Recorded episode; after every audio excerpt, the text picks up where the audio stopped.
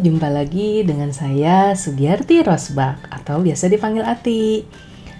Podcast dan YouTube saya kali ini akan berbicara mengenai start the business with purpose. Apa sih start the business with purpose gitu ya? Start the business with purpose kadang-kadang kita kalau mau memulai bisnis, sometimes kita hanya ya udah kita langsung bikin bisnis aja tanpa kita tahu kita mau bikin bisnis tuh sebenarnya backgroundnya apa. Kalau cuma nyari duit ya gampang, tapi sebenarnya kalau kita punya bisnis with purpose, kita tahu kita mau ngapain, tujuan bisnis kita untuk lingkungan mungkin, untuk diri kita mungkin, gak hanya money, biasanya lebih lama bertahannya. Nah, tapi kali ini saya akan sedikit berbincang-bincang, ngobrol-ngobrol dengan Ibu Nora Bawazir, pemilik Nora Gelato. Teman-teman bisa lihat di Instagram beliau, Nora underscore Bawazir, zirnya pakai Z-I-E-R, dan juga kalau mau order nyoba, namanya Nora Gelato. Mari kita dengarkan bincang-bincang saya dengan beliau dari Darwin, Australia.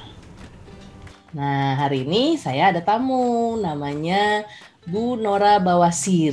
Beliau adalah pemilik Nora Gelato. Terus apa lagi ya? Bu Nora banyak banget kayaknya kayak ada apa lagi? lagi gitu. Nah, hari ini kita akan ngobrol nih sama Bu Nora Bu Nora bisa mau cerita-cerita nih gimana waktu pertama-tama bikin bisnis pertama kali. Orang kan sekarang zamannya lagi mau bikin bisnis banyak banget nih Bu Nora gitu. Kita santai-santai aja namanya juga nyantai di kebun hati. Mau sambil minum boleh, mau sambil nyemil-nyemil silakan gitu. Tapi kalau Bu Nora nyemilnya sehat sih. Kalau aku kayaknya enggak. Makanya bentuk badan beda. gitu. Aja deh ya. Nah, Bu Nora. Aduh. Bu Nora tuh kayak tanya kalau kita Bu Noranya sekarang di belakangnya pantai. Itu pantai di Darwin. Deket rumah Bu Nora itu kan?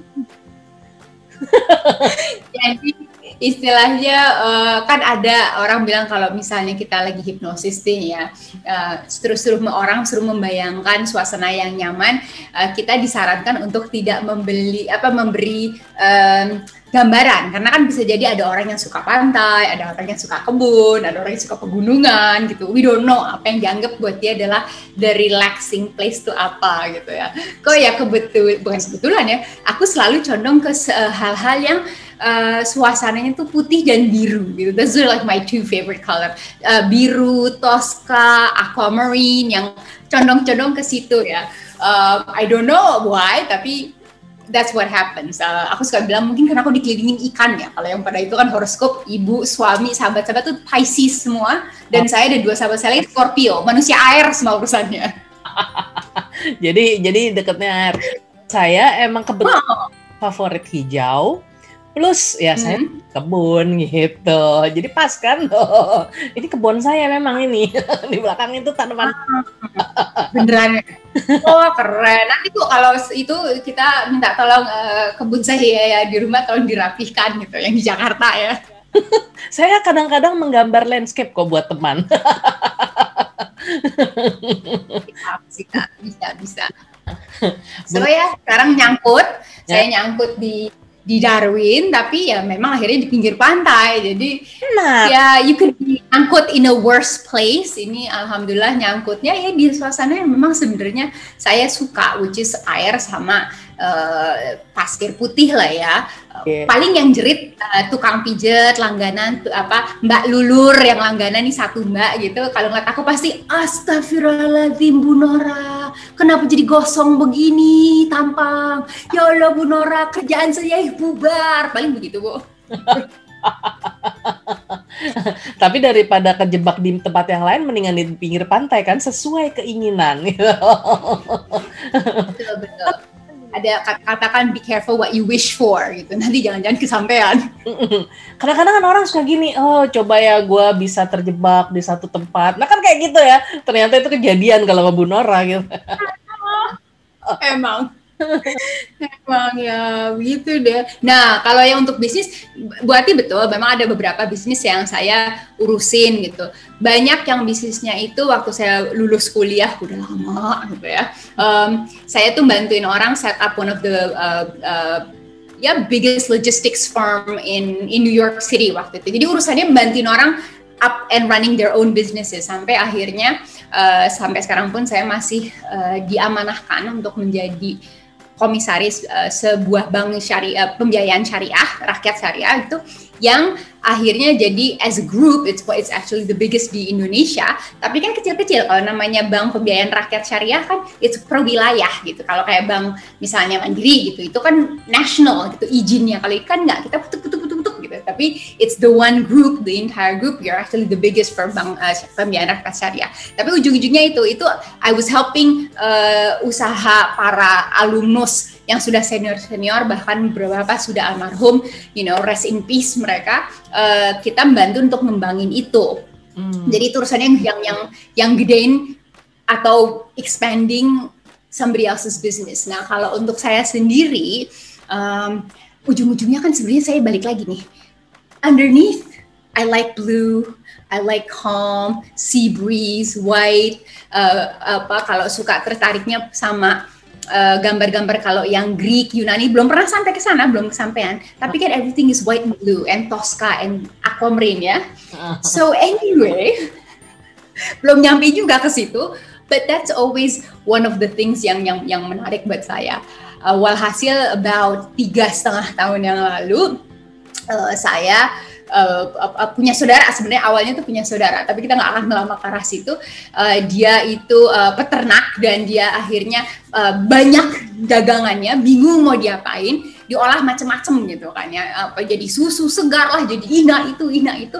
Salah satunya sama dia diolah menjadi es krim gitu. Oh. nah tadinya saya tuh udah mau bilang idenya keocak juga ya berarti um, apa uh, you could do that. Akhirnya orang kenapa? Kenapa aku nggak coba? Saat itu uh, sebenarnya saya sendiri udah mulai uh, jenuh ya dengan segala macam urusan yang yang ibaratnya ngurusin duit orang namanya orang orang bank ya. Jadi ngurusin ngurusin duit orang. Uh, which I like cuma udah udah udah bertahun-tahun udah lama udah angka lagi angka lagi angka lagi. Dan kebetulan kan angkanya bukan bukan putih dan biru ya hijau semua betul betul betul.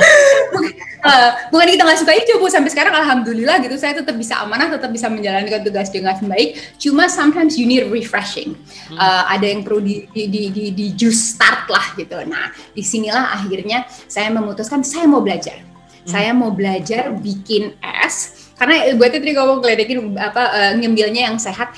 Jadi gini saya punya ibu tante uh, itu uh, turunan diabetes ceritanya. Oh, okay. And I saw them. Uh, emang mereka udah senior banget, udah sudah almarhumah. Uh, uh, but they went through a whole process of you know having diabetes and then komplikasinya dan segala macam. Jadi susah dari kecil tuh yang stres kalau istilahnya, aduh jangan sampai saya gemuk ya, jangan sampai saya diabetes. Ya Allah mudah-mudahan saya sehat walafiat gitu. Akhirnya relatif rajin memikirkan apa yang dilakukan dan apa yang dimasukkan ke dalam tubuh. Awalnya dari situ.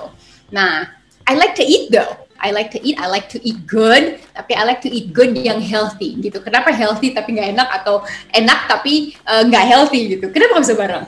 Nah, walhasil pas jalan-jalan waktu itu tour lah gitu, udah sempet pergi tour ke Italia.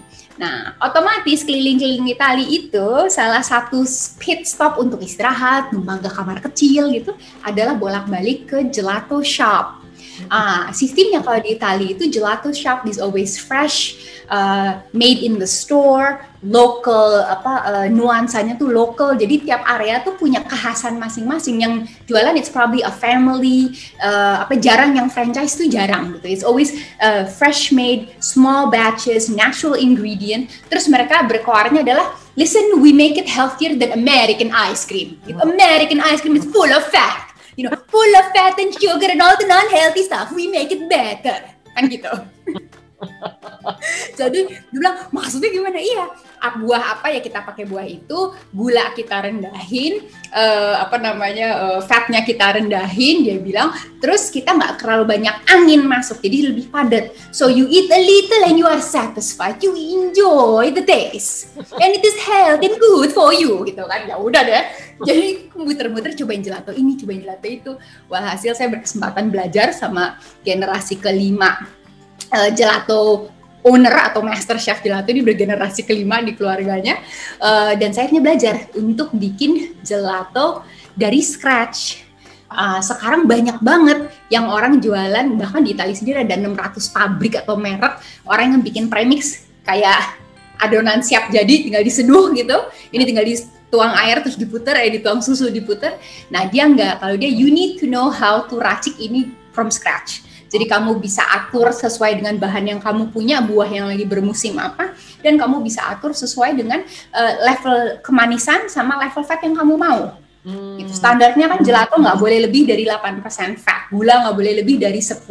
Bahkan kalau yang sorbet segala macam 0% fatnya kan nggak boleh ada fat sama sekali. So uh, dan karena nggak dimasukin angin banyak, yaitu tadi lebih padat. So in a same cup you satisfy-nya lebih cepat, kalori yang masuk lebih sedikit. Dia bilang kamu mendingan belajar dari scratch, walaupun sampai nangis-nangis Bu Ati. Padahal saya orang orang orang orang keuangan ya nangis-nangis dong bu. Soalnya hitungan semua. Dan dia yang tipenya no no laptop no computer. You use your book and your pencil. Asem jiban udah jam segini gue suruh pakai buku dan pensil.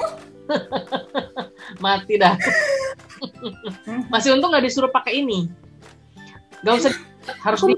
nah apa kabar itu kayak aku sampai jahat banget gue bilang listen I have a laptop let me just bring my laptop. Nanti istilahnya kan uh, kita aku udah udah nentuin gula aku nggak boleh lebih dari sekian fatku nggak boleh lebih dari sekian konsistensi kepadatan sekian. Ini kan formula semua kan. Abis itu aku bilang oh aku orang keuangan kerjanya bikin modeling kan. Sih saya bikin formulanya saya rapihin. Nanti tergantung bahan mentahnya apa tinggal saya bagi. Di bahan itu ada berapa persen airnya berapa persen protein berapa persen padat you know. And aku bisa racik dan habis itu bisa tinggal masukin apa ingredient yang I want, yang I have, nanti dia akan ngebalancing formulanya untuk tahu gramasi per mate, per ini apa gitu kan. Mm-hmm. Dia nggak boleh dong buat No, you use your pencil and your paper. Use this, Nora. Aduh, udah Hadis banget. Lu bilang ini udah penuh isinya ini udah ngurusin macam-macam seru hitung-hitungan. Udah ada laptop. Jadi walhasil to make a long story short hari pertama saya masih mentoleransi untuk mendapatkan teorinya dan segala macam. Malam hari sampai di kamar saya buka laptop saya bikin semua rumusannya. Saya bikin semua. Terus besok pagi dengan PD-nya aku nenteng ransel isinya laptop. What is that Nora Pokoknya kalau kita berantem contoh-contohan, I'm taking out my laptop, you be quiet. Aku bilang gitu, I'm taking out my laptop. Soalnya bisa langsung praktekkan, ini buahnya ini, jadiin apa coba? Buahnya ini, atau bahannya ini, ini ini kacangnya ini, ini, ini. So anyway, I had a lot of fun.